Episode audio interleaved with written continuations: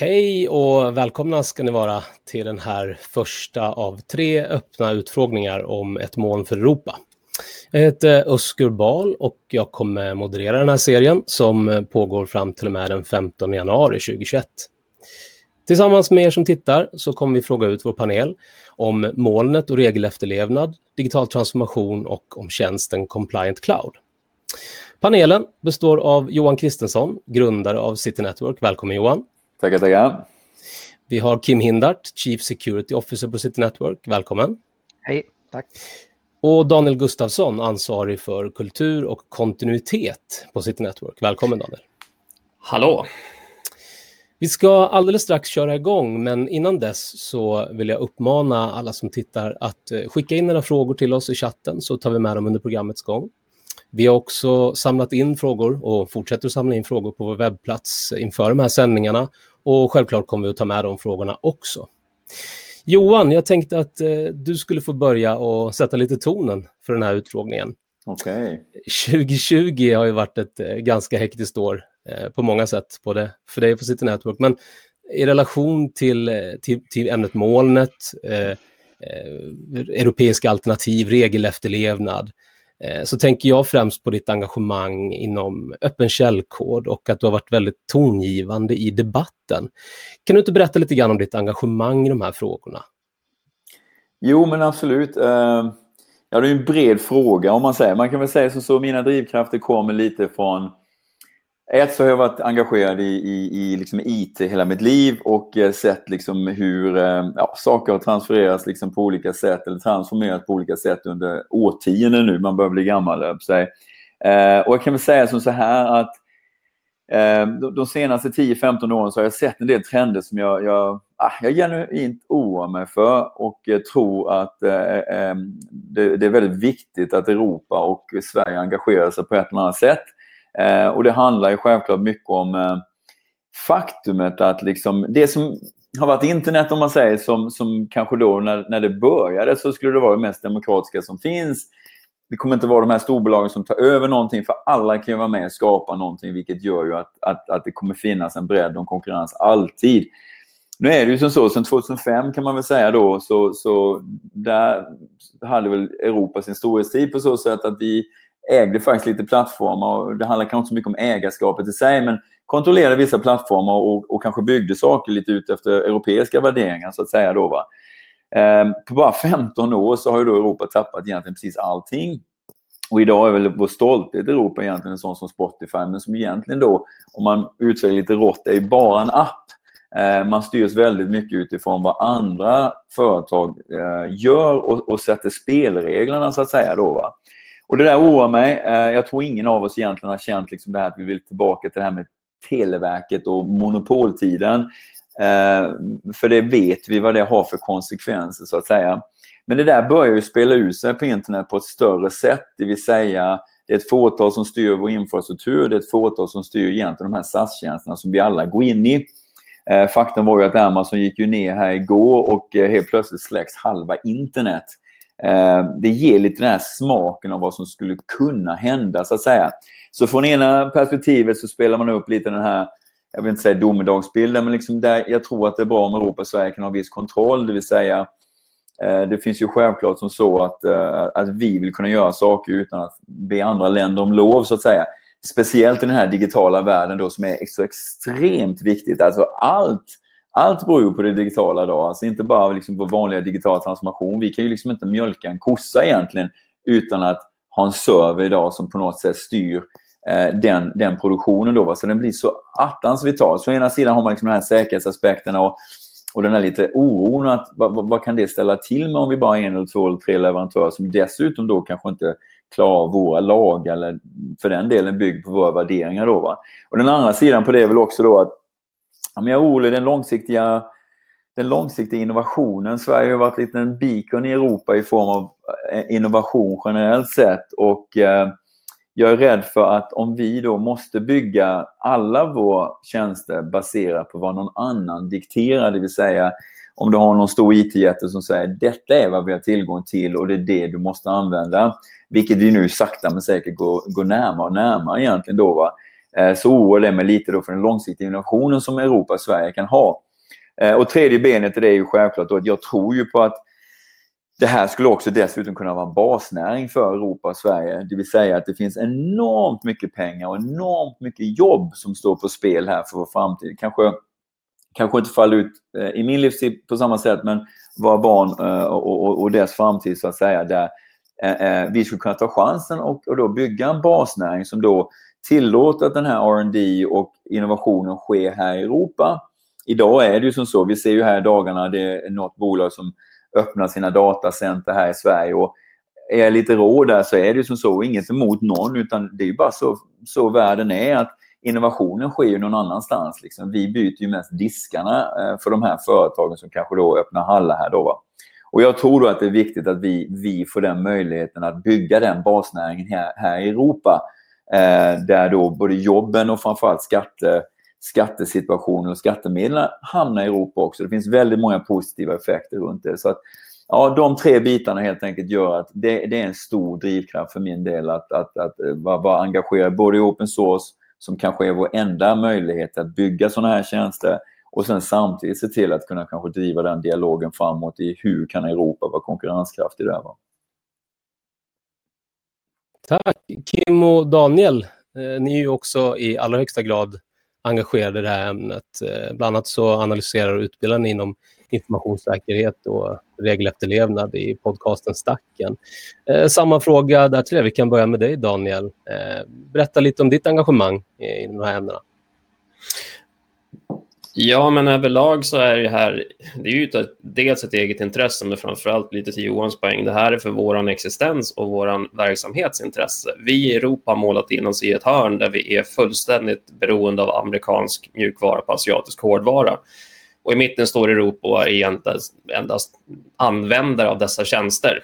Och så hamnar vi i ett läge nu, som nu i eh, augusti när vi eh, eh, nu inte har ett lagverk som hjälper oss gentemot USA, exempelvis mellan EU och USA. Schrems-fallet känner ni säkert till. Max Schrems som har sin eh, drivkraft att försöka påverka hur utbytet mellan data av, eh, mellan USA och Europa eh, hanteras. Det har gett oss nu en situation där vi är upprörda över att ett lagverk jobbar emot oss. Fast egentligen så borde vi vara upprörda över att vi inte har tjänster i Europa som faktiskt kan konkurrera med de stora amerikanska jättarna. Och där någonstans så finns ju vårt initiativ och mitt egna initiativ till varför vi, varför vi nu ett, driver den verksamhet som vi gör på det sätt som vi gör. Men också för att vi kan inte fortsätta att inte ha en europeisk leverans. För att det räcker med en konflikt. Det behöver inte ens bli ett krig, det räcker med en konflikt mellan länder eh, som gör att vi hamnar i ett läge där Europa i princip inte kan klara sig självt. Vi har en attityd i Sverige exempelvis att vi ska ha en suveränitet vad det gäller militär utrustning. Vi bygger våra egna flygplan, vi bygger våra egna båtar, vapensystem. Men vi har, och det är jättevarmt om hjärtat för, för svensk politik och eh, svensk verksamhet. Men vi har inte samma attityd till eh, datalagring eller datatjänster eller de back-end-tjänster som faktiskt styr dessa verk. Där är det egentligen fritt fram för vem som helst, när som helst, hur som helst. Och där önskar vi bara att någon annan kan göra jobbet åt oss. Så lite fräckt och lite elakt, min drivkraft är att försöka locka till ett, ett engagemang av att börja bry sig. Av att faktiskt se det här som en möjlighet istället för att vi blir motarbetare av ett, av ett regelverk. Mm, mm. Kim, samma fråga till dig där också, så har vi lite bakgrund till det. Ja, absolut. Eh, en stor kraft för mig, det är ju faktiskt, jag håller med vad de tidigare säger också.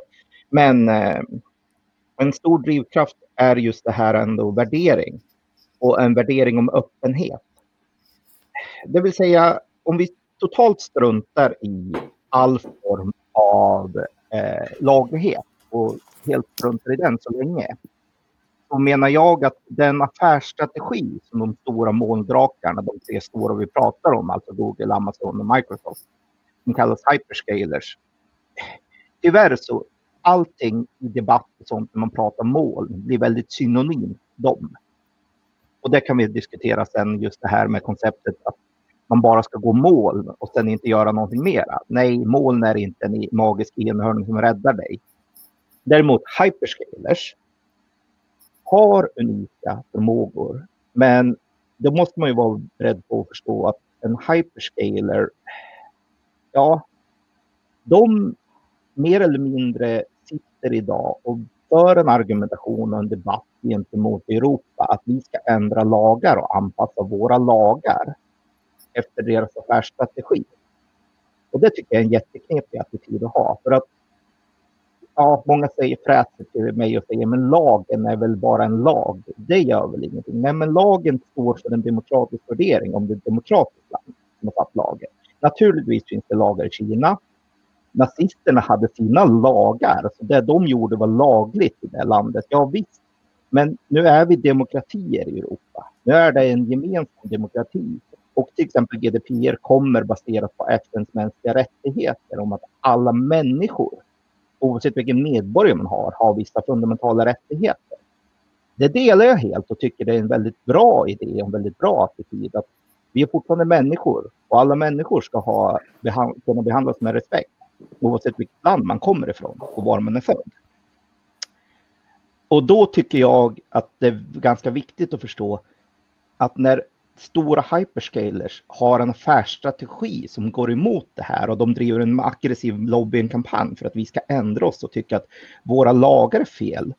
Varför då för? Kanske ni ska anpassa er affärsstrategi för att följa andra länders lagar. Demokratiska länders lagar bör respekteras därför att ett bolag, hur fint de än vill framstå att de är, så är ett bolag inte en demokrati.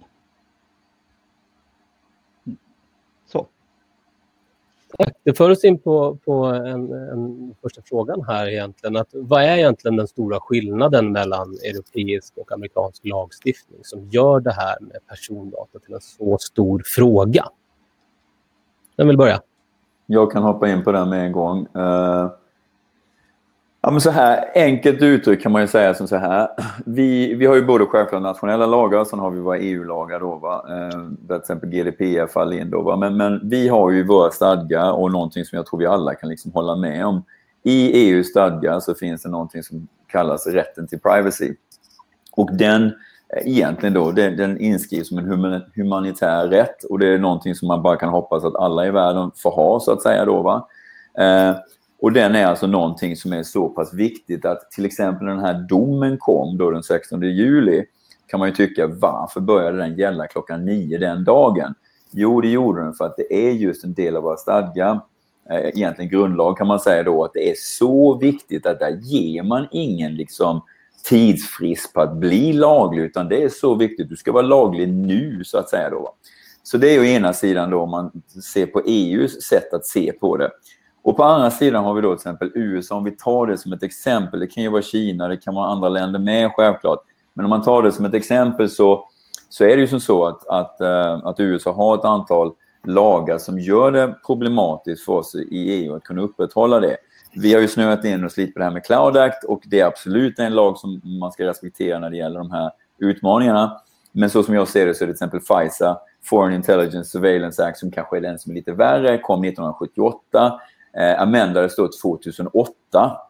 Eh, och det var ju efter det här med terroristattacker och sånt som vi alla vet om. Och den, då, då, då la man liksom en lag som sa, säger mer eller mindre att, att eh, vi ska samla in så mycket data vi kan om alla som inte är amerikanska medborgare. Förenklat uttryckt om man säger då. På det finns det då icke-lagar som, som, som också är problematiska, som till exempel Executive Order 12333 som också eh, ger alltså väldigt långtgående rättigheter att kunna ta och behandla data. Då, va? Den fjärde delen det kan man säga, det är det här med redress-rättigheten. En väldigt viktig bit för oss i Europa är ju det att när jag blir trampad på, låt säga det blir fel, någon gång går det ju fel, det vet vi allihopa. Va? Eh, då ska jag också kunna ha rätt till, till en upprättelse så att säga. Det har heller inte fungerat. Liksom, när datan väl försvinner ut till USA så att säga så, så finns det inget sätt för mig att få den redress-rättigheten på ett vettigt sätt. Då. Och en jätteviktig del i det då är som jag tycker många går, går kanske lite snett på och det är inte lätt att kunna alla de här bitarna kanske. Va? Men det handlar ju inte om att data måste flyttas till USA eller flyttas till Kina. Utan väldigt mycket, jag skulle säga majoriteten av det här handlar om accesser. Då, va? Det vill säga att eh, använder du Amazon i Frankfurt eh, så är det ändå som så att, att man har accesser som inte är tillåtna. Det vill säga alla de här personerna måste då helt enkelt kunna se till att de får eh, rätt eh, bakgrundskoll eller rätt andra aspekter som gör att man har rätt accesskontroll så att säga. Då, va?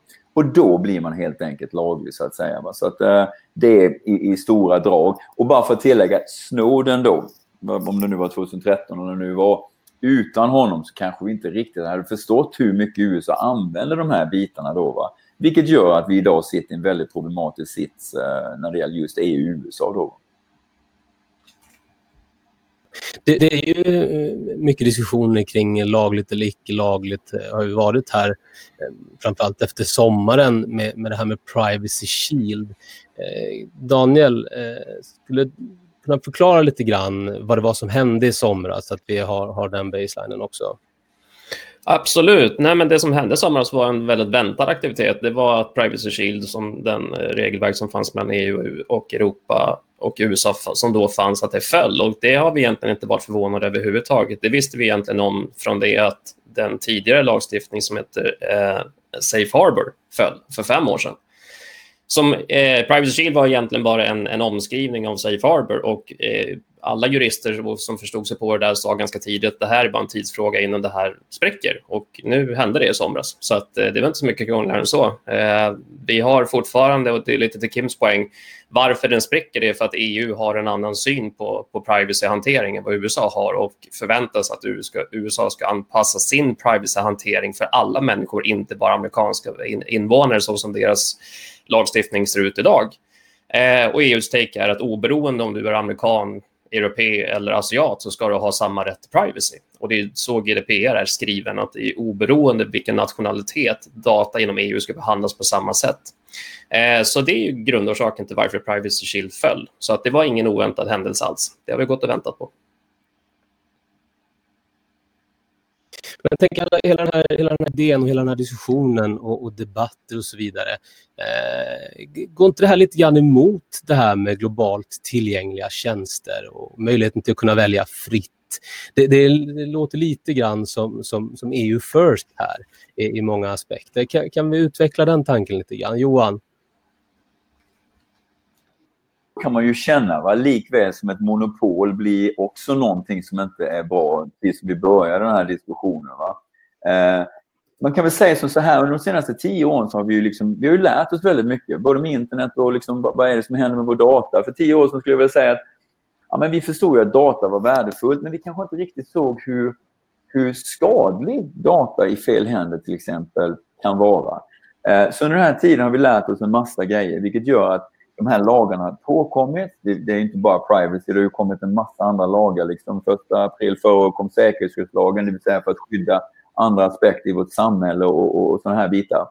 Och det är klart att det gör ju lite att, att, att vi kan känna att, att uh, man måste anpassa sig. Och, och, och grundproblemet i det är ju att vi vill egentligen kunna ha en operativ modell. Alltså om man nu tar techjättarna, vad ska det heta, Alibaba eller, eller, eller Microsoft vill man ha en, en operativ modell för hela världen. För att det ska funka i södra Vietnam som det funkar liksom i Umeå. Eh, och så har man byggt upp det. Byggt upp det.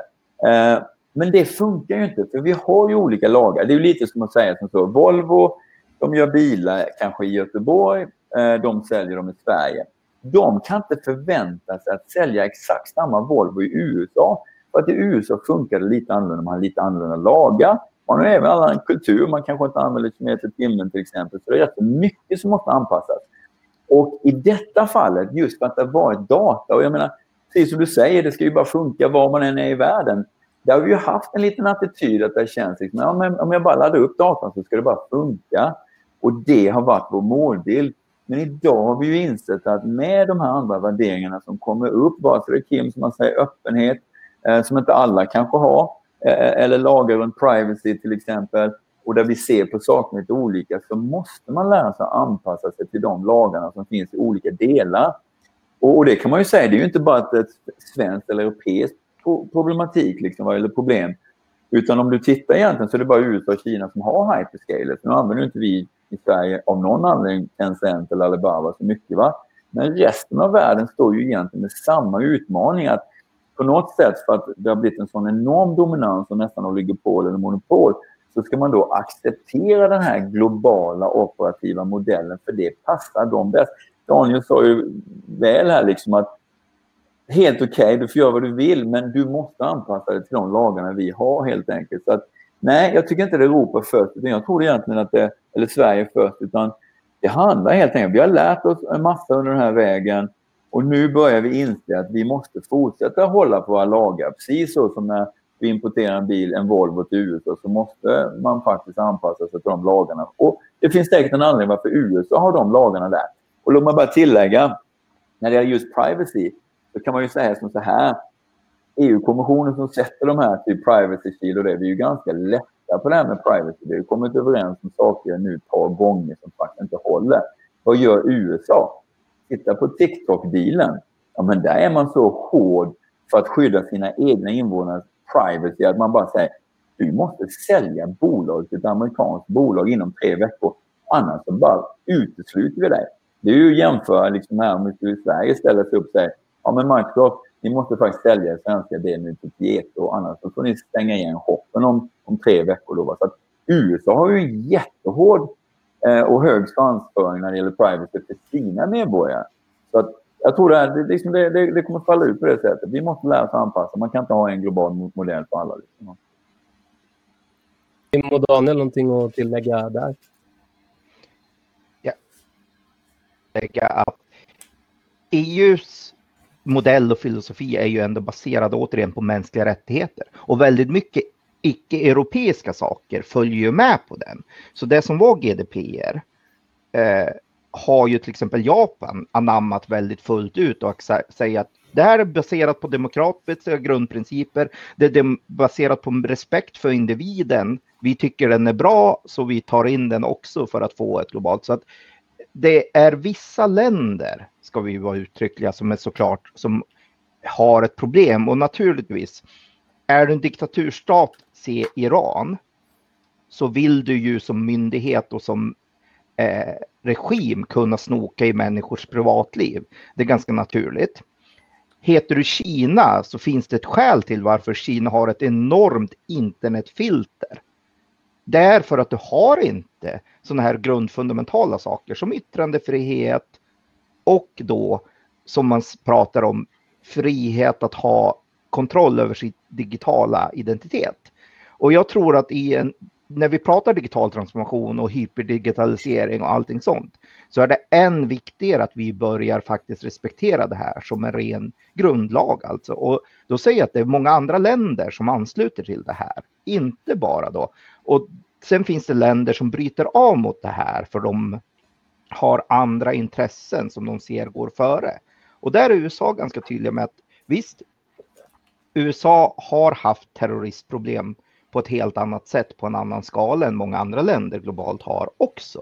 Så det är klart, där har de satt sitt prioritet före. Och då blir det bara en ren principfråga. Är det här en grundlagsgrej eller är det här någonting man kan förhandla med på enskilda nivåer? Och här har EU satt ner foten och sagt det här är ingen handelsrätt.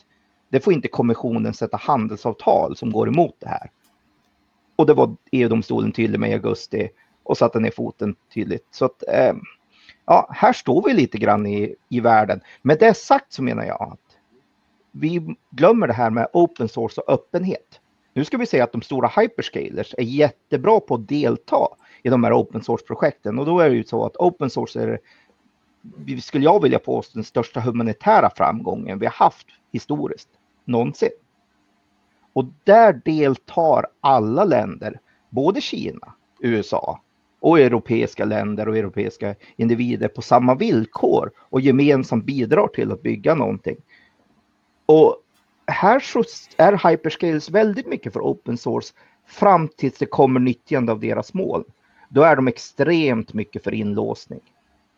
Alla hyperscales driver en väldigt aggressiv strategi till att det ska inte vara något annat mål än oss. Kom till oss och vi låser in dig och så kan du aldrig komma ut ifrån oss. Och den inlåsningseffekten, den systematiska strategin är ju också en sån här fundamental grej till som går lite tvärt emot vad vi ser framför oss. Jag ser inte ett Europa först, men jag ser att det är Europa som står för värderingarna att ha öppenhet först. Du ska kunna välja vad du vill och vi ska inte sätta hinder i vägen för det.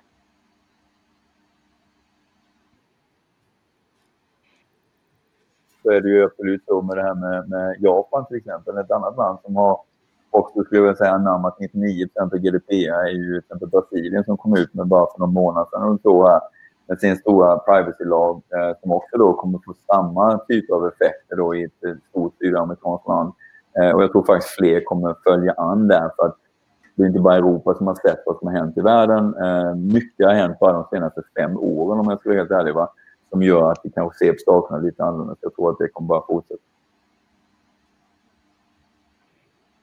har en, fråga här eh, relaterat då. Är, man home safe så länge man väljer en svensk eller europeisk leverantör av sina infrastrukturtjänster? Då? Det är bara det som gäller, så att säga. Ja ja precis. Kim, hoppa in. Ja, för att vara... Så här är det. att Det finns ingenting i GDPR som hindrar det som heter överföring till tredje land. Och här har jag tjatat också om att överföring betyder inte att bokstavligen flytta data, precis som Johan sa tidigare. Det är också vilka som har access till datan. Så att bara för att data sparas i Sverige så är det, är, kan den utsättas för det som kallas överföring till tredje land i laglig mening. Så låt oss förstå den till att börja med. Sen så, men överföring till tredje land finns det ett helt kapitel som hanterar om hur gör man den för att garantera att den är säker? Och då fanns det just de här delarna att du ska ha en lång checklista där du måste verifiera när du gör en överföring till tredje land att den är säker, lika säker som om du behandlat den inom Europa. Den fundamentala skillnaden mellan att behandla saker inom Europa när det gäller GDPR är att GDPR är en skriven lag här vi som europeiskt bolag har inget val. Vi kan inte säga vi väljer att inte följa lagen avtalsmässigt. Vi kan aldrig skriva ett avtal som bryter mot lagen för att då kommer lagen alltid gå före och säga att det där var ett olagligt avtal. Så är det inom Europa. Däremot så är det fullt möjligt att skriva fullt lagliga avtal i Nordamerika som är fullt lagliga där men som bryter mot GDPR.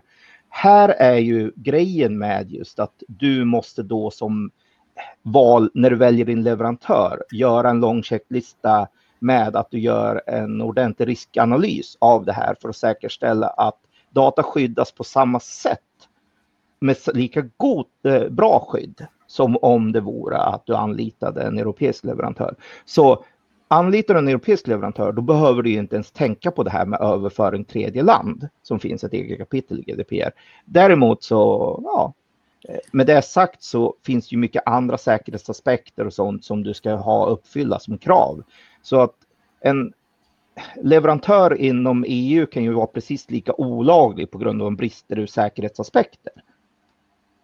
Ja, exakt, är... exakt Kim. Det var det jag skulle lägga till till din. Svaret är ju egentligen nej. Alltså, även vi europeiska leverantörer, Kim, måste ju göra en uppsjö av saker. Jag menar en sak bara för att säga, det är ju en global arbetskraft som finns där ute idag. Eh, och, och, och, jag menar, lite beroende på vem man tar in och sådana här bitar så kan det vara lagligt eller inte lagligt. Så att, nej, det finns ingenting med automatik utan alla vi i Europa måste vara väldigt noga med inte bara säkerhetsaspekt utan vem som jobbar med det, vilken bakgrundskontroll och vad det nu kan vara. Så att, eh, inget bör ske med automatik. Däremot så har ju, precis som Kim säger, Europa, vi har ju lagar som vi måste följa. Så där kan man väl utgå då från att det finns en en, en vilja att vara laglig. Men man ska ju kontrollera det. Det är upp till att välja rätt leverantör för den resan du som företag önskar ta så att säga. Och här får vi bara säga att ni som kunder måste ju vara väl medvetna om att när ni anlitar någon så måste man göra kollen. Gör ni överföring tredje land i era leverantörsled? Jag kan till exempel gå och tro att åh, nu anlitar jag ett svenskt bolag här och det är jättebra för då är det ju bara svenskt. Åh vad skönt, då behöver inte jag tänka på det. Att det är ju inte sant heller, för om de i sin tur använder Azure i sin infrastruktur, ja då funkar det ju inte. Vi, bara vi City, brottas ganska ofta med problemet att vi kan inte i alla situationer använda vår personal vi är utanför Europa. För det är också överföring tredje land. Så att där finns det, så alla brottas med det här. Så det är en sån grej som jag tror man måste vara noga med också. Så bara för att du anlitar en europeisk grej så måste man kolla dem i deras led också. Använder de i sin tur leverantörer eller personal utanför Europa också? För att som sagt, överföring till tredje land är på inget sätt olagligt, men det kräver extra säkerhetskontroller. Mm. Tack. Eh, vi ska ta och gå vidare lite grann här eh, och, och prata lite grann om Compliant Cloud. Eh, Johan, om du skulle sammanfatta Compliant Cloud, vad är det för någonting? Ja, nej men det är ju alltså, det finns ju två saker som ett företag be behöver idag om man säger. Å ena sidan så har vi den digitala transformationen, vilket då är en innovationsresa. För att du ska kunna göra den resan så måste du ha vad vi kallar för programmerbar infrastruktur eller cloud infrastructure. Liksom då, va? Och, och, och, vad som är viktigt där är att man, man måste kunna automatisera. Eh, på det så kommer du förändra din organisation. Ofta är det en kunskapsförflyttning. Du kommer använda termer som CICD och kanske Ansible och Terraform för att göra den automatiseringsresan så att säga. Så det är ena grundkravet. Och lyckas man med den resan så har ju vi sett exempel bland våra kunder där vi snackar om alltså 10 15 gånger större produktionskapacitet med samma antal utvecklare, samma antal personal. Och det är ju klart, då, då bör man inse varför den digitala transformationen är så galet viktig. För att om allt nu blir digitalt och hela mitt fundament bygger på det och jag kan leverera 15 gånger mer med samma personal, ja det säger ju allt. Så den resan måste man gå igenom. Eh, men då är det ju som så här, vi har olika typer av data, olika typer av krav på data. Vi har ju dessutom olika ramverk. Vi brukar tala om fyra nivåer av lagar så att säga. Då, Är man bank till exempel så, så, så lyder man under vissa ramverk i EU, till exempel Basel 2.3. Då, då är det som så här att vissa företag kanske bara behöver ta, ta GDPR som en grej eh, medan en bank kanske har åtta lagar. Eh, vi har då gjort som så här att vi har byggt en, en, ett, eh, ett, ett moln som tillåter för den här innovationsresan som vi talar om men som tar den regulatoriska aspekten extremt högt. Vare sig det är liksom vanliga datalagar, GDPR, de bitarna, eller vertikallagar. Du kanske jobbar inom hälsa, utsätts för eh, patientdatalagen. Du kanske jobbar inom socialtjänsten, har socialtjänstlagen. Eller till exempel mediebolag, källskyddslagen. Eh, det vill säga sånt som går mer mot vissa vertikaler. Då, va? Eller ramverken som vi nämnde nu, ett, ett, ett försäkringsbolag som lyder under Solvens 2 och 3, alltså risk minimeringsramverk generellt sett. Då, då kan man alltså använda Compliant Cloud som ger dig möjligheten till den här innovationsresan men som samtidigt då tillåter den här eh, liksom, eh, höga nivån på regulatoriska. Och bara för att ge ett exempel, de kunderna vi har som då har 15-faldigat sin produktion, en av de stora lärdomarna där är att de lagen som jobbar med det här, de måste vara autonoma. De får aldrig sackas ner någonstans på vägen. Det vill säga, de får aldrig stanna upp för att säga oj, får jag lov att göra detta? Eller oj, kan jag göra detta? Eller vad det nu kan vara. Och där kommer faktiskt lagarna in som en jättebesvär om man nu inte tar bra beslut från början. Det vill säga, har du ett utvecklingsteam som helt plötsligt måste ställa frågan, ja, men du, går det här under patientdatalagen och där vi nu hostar den här appen, kan jag använda det där eller inte? Och gör man en datasjö så kan vi nästan garantera att man börjar med X data och sen kommer det bara växa och innefatta mycket annan data. Även om man gör dataklassning och sånt så kommer det sacka din innovationsresa om du inte vet att du ligger i rätt typ av infrastruktur som ger dig den enkelheten och säga allting funkar här. Så vi har byggt Compliant Cloud helt enkelt som tillåter den innovationsresan och tillåter upp till en bank eller ett eller ett stort hälsoföretag eller vad det nu kan vara, eller myndighet som idag önskar vara laglig på alla håll och kanter så att säga. Då kan man göra båda i, i den, det molnet helt enkelt. Det här med eh, inbyggd regelefterlevnad, skulle du kunna ta och bena ut det lite grann, Kim?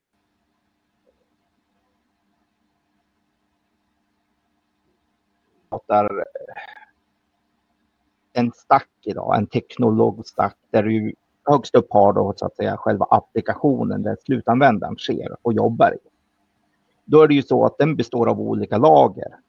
Det, det här är ganska naturligt, så har det gjort även när man hade allting i sin egen källare på egna hårdvaruservrar. Någonstans måste finnas en hårdvara. Molnet är inte någonting fluff som ligger i luften så att säga på den digitala sidan utan det är hårdvara som ändå står för compute-kraft, står för storage och sånt. Så att där någonstans måste sån finnas och sen så bygger man uppåt. Och då har tyvärr väldigt mycket av regelefterlevnad och certifieringar byggt på att man har tagit en ritning. Så här ser den ut. Är den okej okay eller inte? Och då är det en ögonblicksbild för appen just då. Det, det ger ju ingen agilitet direkt.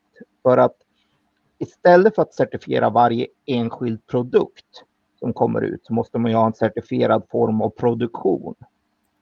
Så att dina olika produktionslager eh, måste ju vara de som är okej okay och certifierade. Precis lite, man måste tänka om och tänka livsmedel istället för att tänka ja, planritning hus. Om jag vill att min byggnad här, det här huset är certifierat enligt en viss kod, ja, då gör man en kontroll av det huset och den ritningen och så verifierar man sig. Check, den är certifierad bra. Men om jag bygger om huset sen, då måste jag certifiera om det. Så kan det inte vara en teknologi eh, teknologistack idag. Så var det en gång i tiden när vi hade det som var stora mainframes och sånt. Men idag för att produktion ska kunna gå fort så måste allting i eh, din teknologistack också vara, och då pratar man om just det här med fullstack kod, fullstack kontroll. Du kan bygga ditt eget virtuella datacenter programmerbart idag i praktiken. Men då bygger det på att den som sedan producerar den här möjligheten måste också då uppfylla alla kraven. Så att bara för att vi har en infrastruktur som är compliant från grunden, vilket gör att du som kund kan vara helt trygg i att det finns inga problem i infrastrukturen att följa dina lagar, så måste ju du när du bygger din applikation också följa det. Men då behöver du inte tänka på infrastruktursidan när du gör det. Så att eh, den är liksom, eh, det är en sån här del som är så man skivar det i olika lager och sen ansvarar alla för sina lager. Och så kommer det även vara inne på ja, kundsidan och de uppåt i lagren. Man pratar mycket om mikrotjänster idag. Man pratar om enskilda små tjänster, till exempel databasen. Så säkrar de sin databas och ser till att hela databasproduktionen har rätt regelefterlevnad och rätt retention rate, rätt rensningsrate och sånt i den. Och sen så kan de erbjuda den som lager till de andra eh, appdelarna ovanför. Så man bygger lager för lager och certifierar sina lager hårt istället för att certifiera hela vertikalen, stacken en gång för sig. Därför att den här kommer att förändras väldigt mycket. Får jag lägga till till dig Kim? Bara för att göra det superenkelt så kan man väl säga som så här. Eh, Igen, superförenklat. Å ena sidan så finns det fysiska accesser som kommer in. Det är säkerhet och det regulatoriska. Det handlar om skarskydd in i hallen, det handlar om skarskydd in i en bur. Det handlar självklart om hur tar man sig in i den här buren. Det handlar framförallt om vem tar sig in i den buren. Igen, accesskontroller, rätt personer. Så fysiska sidan är en sida. Den andra sidan handlar väldigt mycket om den logiska sidan. Nu jobbar vi med internationella standarder, ISO-certifieringar, för att vi vet att när vi håller x antal checkar så kommer vi väldigt nära alla typ av lagar så att säga. Sen kan det vara att man, det kommer en ny lag i framtiden, då får vi göra vissa justeringar. Men när vi jobbar på ett visst sätt med systematisk kvalitet, systematiskt jobb med miljöhantering och framförallt den logiska hanteringen av data. Gör du det rätt om man säger, då har du kommit väldigt, väldigt långt. Så att fysiska aspekterna, logiska aspekterna i form av hantering av data och rätt personer. Där kan man superförenklat säga, så jobbar vi för att få in den höga nivån så att säga. Då. Daniel, om eh, man nu skaffar sig Compliant Cloud, har, eh, har man löst problemet då? Och kan man eh, köra på med digitaliseringen och är man automatiskt laglig? Eller vad tänker du kring det? Marknadsmässigt så säger jag naturligtvis ja, men realismen är ju det sanningen att vi behöver jobba med vad vi, hur, hur vi jobbar med våra tjänster också. För det är en sak att skapa eller starta upp en tjänst i en infrastruktur som håller måttet och det är en bra start. Men sen så har du ju ansvaret att faktiskt managera dina applikationer, dina tjänster och där kommer folk in på toppen det vill säga din personal, de som jobbar med tjänsterna. Och har vi inte ett styrverk, regelverk eller framförallt ett beteende, för att du kan sätta mycket styrverk och regelverk du vill i form av policies och allt vad du vill inkorporera i din verksamhet och så tänker man nu har vi en policy som säger att vi minsann ska vara lagliga, check på den och så var vi nöjd. Men det är ju inte sant, därför att vi har ju, måste ju faktiskt jobba med våra medarbetare så att de ett får ett beteende som är deras normala vardag. För att vi vill inte hamna i ett läge där vi eh, har min vardag som har jag ett styrverk på toppen som känns som ett tungt ok som jag går och bär omkring på. Hamnar vi där så skapar det bara stress. Och stress är absolut det sämsta tillståndet du kan vara i om du vill hålla någon, någon form av säkerhetstänk i din verksamhet. Eh, risken att jag gör fel under stress är mycket, mycket, mycket större också. Så att, eh, det faktum att vi faktiskt måste jobba med vår personal om vad är vårt önskade beteende för att uppnå den compliance eller regelefterlevnadsnivå som vår verksamhet faller under i min värld var jättetydlig och nu, nu är jag färgad med att jag tycker sånt är kul, men då tycker jag att det kanske det är nästan viktigt att börja där för att sen sätta dina tjänster i en infrastruktur som håller måttet, för då vet du att du har kedjan liksom intakt. Men att bara säga nu har jag en säker infrastruktur, jag har massor med brandväggar och jag har lagt på allsköns tjänster som jag kan hitta för att säkra upp min infrastruktur. Nu var vi klara då finns risken att man eh, fäller ner axlarna och så blir man lite gå i stolen och så säger man nu var det färdigt. Men tyvärr är det ju inte så. Så att eh, i min värld handlar det väldigt mycket om att ni måste jobba med er personal också. Vad är ert önskade beteende? Framför allt, jobbar vi efter samma grundvärderingar? Har vi samma eh, arbetssätt? Jobbar vi mot samma håll eller har vi en spretig eh, verksamhet som har individuella mål, individuella KPI som vi mäts på som gör att jag blir mer riskbenägen i vissa led än andra led. Och Det har ingenting att göra med om jag är administratör på bolaget eller säljare att göra heller, för att vara jättetydlig. Eh, idag, så som eh, världen ser ut, så du hackar inte en infrastruktur så lätt idag. Det krävs kompetens. Det är jättesvårt. Du måste vara extremt skarp om du ska gå in och ge dig på att bryta dig in via någons eh, IT-infrastruktur idag. Att hacka någons e-post eller hacka någons mobiltelefon eller hacka någons laptop är mycket enklare. Eh, så där har vi också ett beteende som måste etableras hur vi för oss när vi är ute på stan, när vi inte är på kontoret, när vi kommunicerar med andra. Och det i sin tur blir stödlager på toppen för att vi ska få kedjan intakt. Så där har man ett gediget jobb att göra också. Ska alldeles strax ta och runda av, men jag har märkt att det finns en, en väldigt het eh, fråga som vi får ta och ställa här också. Den lyder rakt ut så här. Vad är det egentligen ni har emot Microsoft 365? kan jag få börja? Ja, kör. För jag ska svara som så här. Jag har ingenting emot Microsoft 365. Jag tycker det är en helt fantastisk tjänst för att vara tydlig. Den är, alltså, ska jag vara helt ärlig, jag tycker det är den bästa Office Suite-produkten som finns på marknaden idag, barnan. Det, det, finns ingen competition i min värld och det är min åsikt, jag står för den.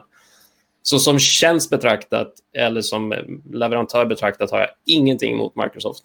Det jag har emot är det faktum att vi som europeiska länder försöker aktivt anpassa oss till ett företags marknadsstrategi istället för att ställa kravet tillbaka. Och det trista i det här, och ska jag vara lite kritisk gentemot EU, är att det här är ingenting nytt. Det här är något man identifierade för länge sedan också. Jag hade förmånen att få jobba nere i Bryssel 2009. Eh, och redan då konstaterade man att vänta här, det finns ju inga europeiska leverantörer. Vart är alla någonstans? Nu har det gått 11 år till och nu har poletten trillat ner. Och tyvärr så var det ju egentligen Max Schrems aktivitet att liksom fälla ett par lagverk som gjorde att det här var en realitet. Annars hade vi bara fortsatt fälla ner axlarna och accepterat att vi anpassar oss till företags affärsstrategi. Men som produkt betraktat, jag har ingenting emot den. Jag önskar jag kunde använda den själv, för den är fantastisk. Jag måste ju hoppa in och svara på den också, eh, självklart. Eh, eh, jag, jag säger som Daniel, alltså, många av de här IT-jättarna, det finns en anledning varför vi använder tjänsterna. Tjänsterna är kanon på, på de flesta sätt om man säger. För min del så handlar det väl mer egentligen, det kommer tillbaka till den första frågan, liksom att jag brinner för Sverige och EU i form av att jag tror att vi måste ha vissa saker som, som är en grundförutsättning. Det är ju liksom, hade man ställt sig frågan, ska vi inte ha järnväg här i, i Sverige? Liksom, jo, men det är klart att vi måste. Eh, ja, men det har man ju i Tyskland. Eh, så kan vi inte bara använda deras. Liksom. Det, det, det, funkar inte. Eh, dessutom så kommer den här frågan som Daniel tog upp. Liksom, jag har aldrig tyckt det här, vad är det man brukar säga lite halvt roligt, liksom, ingen, eh, ingen gillar ett monopol förrän man har ett själv. Um, och, och kan man väl säga som så, jag har aldrig gillat monopol, jag har aldrig ägt ett monopol heller, så jag har aldrig kommit till den situationen då. Va? Men det där är ju något som är riktigt, riktigt dåligt. Och det handlar ju inte om tjänsten, det handlar inte om, om, om, om Microsoft eller en leverantör, utan tvärtom. Kudos till dem att de har gjort både en tjänst som är så bra och ja, man lobbar ju väldigt bra också uppenbarligen för att kunna skapa vad som kan anses var som bäst ett eh, oligopol, men kanske monopol. Då, så att, nej, det är nog de bitarna som liksom gör att nej, men, vi måste ha alternativ. Eh, Sveriges stat kan inte göra en upphandling idag. Jag menar, herregud, då börjar man ju se hur marknaden börjar halta. Så att jag vänder det till att säga som så, jag älskar marknadskrafter, jag älskar konkurrens och eh, eh, de har varit så pass bra att den har slagits ur spel idag helt enkelt. Och vi har ju till och med eh, branschorganisationer och politiker idag som förordar att vi ska ändra våra lagar in i det och allt det där känns liksom inte rätt i magen helt enkelt. Mm. Eh, tillägga där bara att jag är lite mer aktivistisk och jag är också inne på det här med eh, hållbarhet och klimat. Och jag tycker, in, jag tycker de har en fantastiskt bra produkt ur ren tjänste och funktionalitet. De har en fantastiskt bra teknisk säkerhet. Det går inte att komma ifrån. Teknisk säkerhet är de jättebra på. Det här med att respektera eh, klimat och arbetssituation, fair trade, vill jag utmana lite mera på att där kan de göra mycket, mycket mera. De är de rikaste bolagen som finns i världen idag. Vi var bara för några månader sedan så var Amazon ute och sa vi ska vara klimatneutrala 2040. De är världens rikaste bolag. De har hur mycket vinst som helst. De kan vara klimatneutrala 2020 mm. och det skulle inte påverka deras vinst Verkligen. jättemycket. Folk tycker så här, åh vad bra. Nej, det är inte bra det, det, är rent avskyvärt, förlåt att jag säger det, men det är rent avskyvärt. De kan vara det idag, de kan vara imorgon, de kan vara mycket större inspiration. Med, med tanke på vad de faktiskt omsätter och tjänar i vinst mm. så kan de vara ett mycket större föredöme.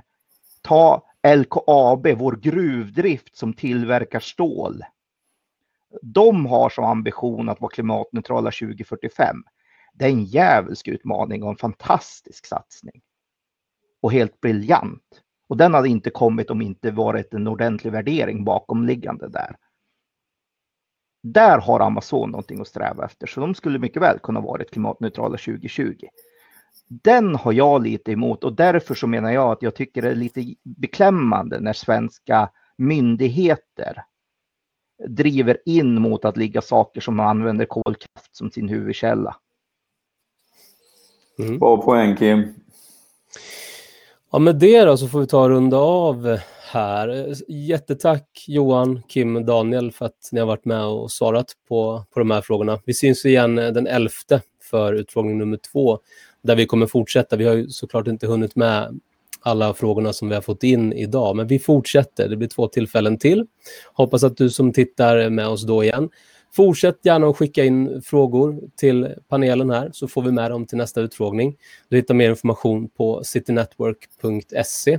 Där finns också mer information om ett moln för Europa och eh, en hel del annat matnyttigt om informationssäkerhet, regelefterlevnad. Bland annat så hittar du länkar till Kim och Daniel och, och podcasten Stacken där de analyserar och utbildar inom just de här ämnena. Stort tack för visat intresse så ses vi nästa gång. Tack. Tack ska ni ha.